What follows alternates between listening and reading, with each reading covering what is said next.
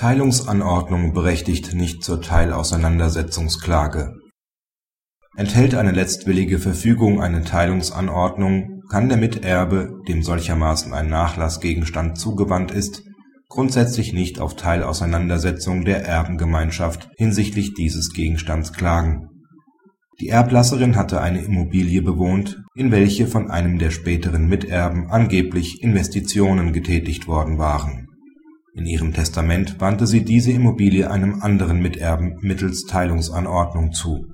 Noch bevor die Erbengemeinschaft insgesamt auseinandergesetzt war, klagte der so begünstigte Miterbe auf Zuteilung der Immobilie an sich, also auf die Teilauseinandersetzung hinsichtlich des Hauses.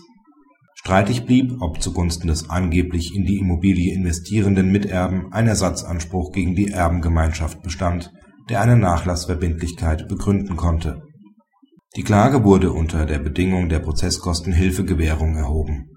Im Rahmen der deshalb nur summarischen Prüfung des Sachverhalts hob das OLG Rostock den die Prozesskostenhilfe ablehnenden Beschluss der Vorinstanzen auf und verwies den Rechtsstreit zur weiteren Sachverhaltsaufklärung zurück.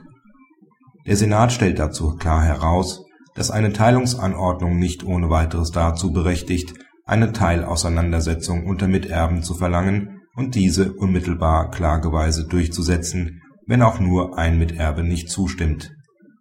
Diese Art der Auseinandersetzung unterliegt engen Voraussetzungen, welche nur dann vorliegen, wenn sie durch besondere Gründe gerechtfertigt ist und dadurch die Belange sowohl der Erbengemeinschaft als auch der anderen Miterben nicht beeinträchtigt werden. Ein solch besonderer Grund liegt etwa vor, wenn der Miterbe einen Teil des Nachlasses begehrt, der ihm bei endgültiger Auseinandersetzung des Nachlasses ohnehin zufällt.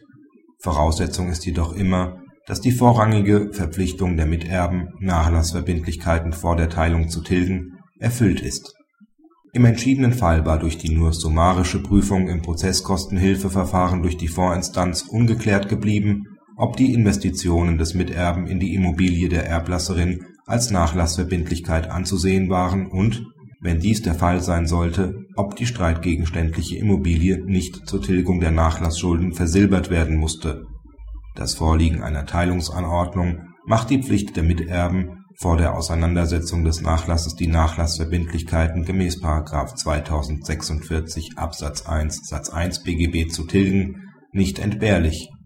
Unter Hinweis auf diese Rechtsansicht hat das Ausgangsgericht im Rahmen einer erneuten Entscheidung somit zu prüfen, ob die behaupteten Investitionen des Miterben Nachlassverbindlichkeiten darstellen.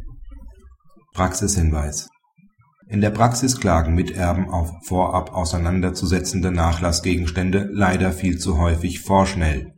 Dabei wird in der Regel verkannt, dass das Gesetz primär bezweckt, eine vollständige Nachlassauseinandersetzung herbeizuführen. Mangels Vorgaben des Erblassers zur Teilung des Nachlasses gelten deshalb die § 2042 bis 2046 und 750 bis 758 BGB wobei vorrangig die Nachlassverbindlichkeiten getilgt und Vorempfänge ausgeglichen werden müssen.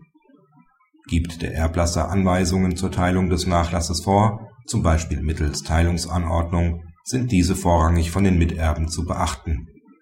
Eine Teilungsanordnung wirkt nur schuldrechtlich, ersetzt aber nicht die noch mittels Auseinandersetzung vorzunehmende dingliche Zuordnung eines Nachlassgegenstands ist bereits die Antragstellung für eine Erbteilungsklage insgesamt hochproblematisch, so ist die Klage auf Teilerbauseinandersetzung in noch weniger, nur sehr eng begrenzten Ausnahmefällen möglich.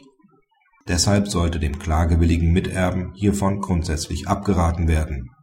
Für die den Ausnahmefall der Teilauseinandersetzung begründenden Tatsachen trägt derjenige im Prozess die Beweislast, der sich auf diese Ausnahme beruft, woraufhin derjenige der zum Beispiel Nachlassverbindlichkeiten einwendet, im Rahmen seiner subsidiären Vortragslast erwidern muss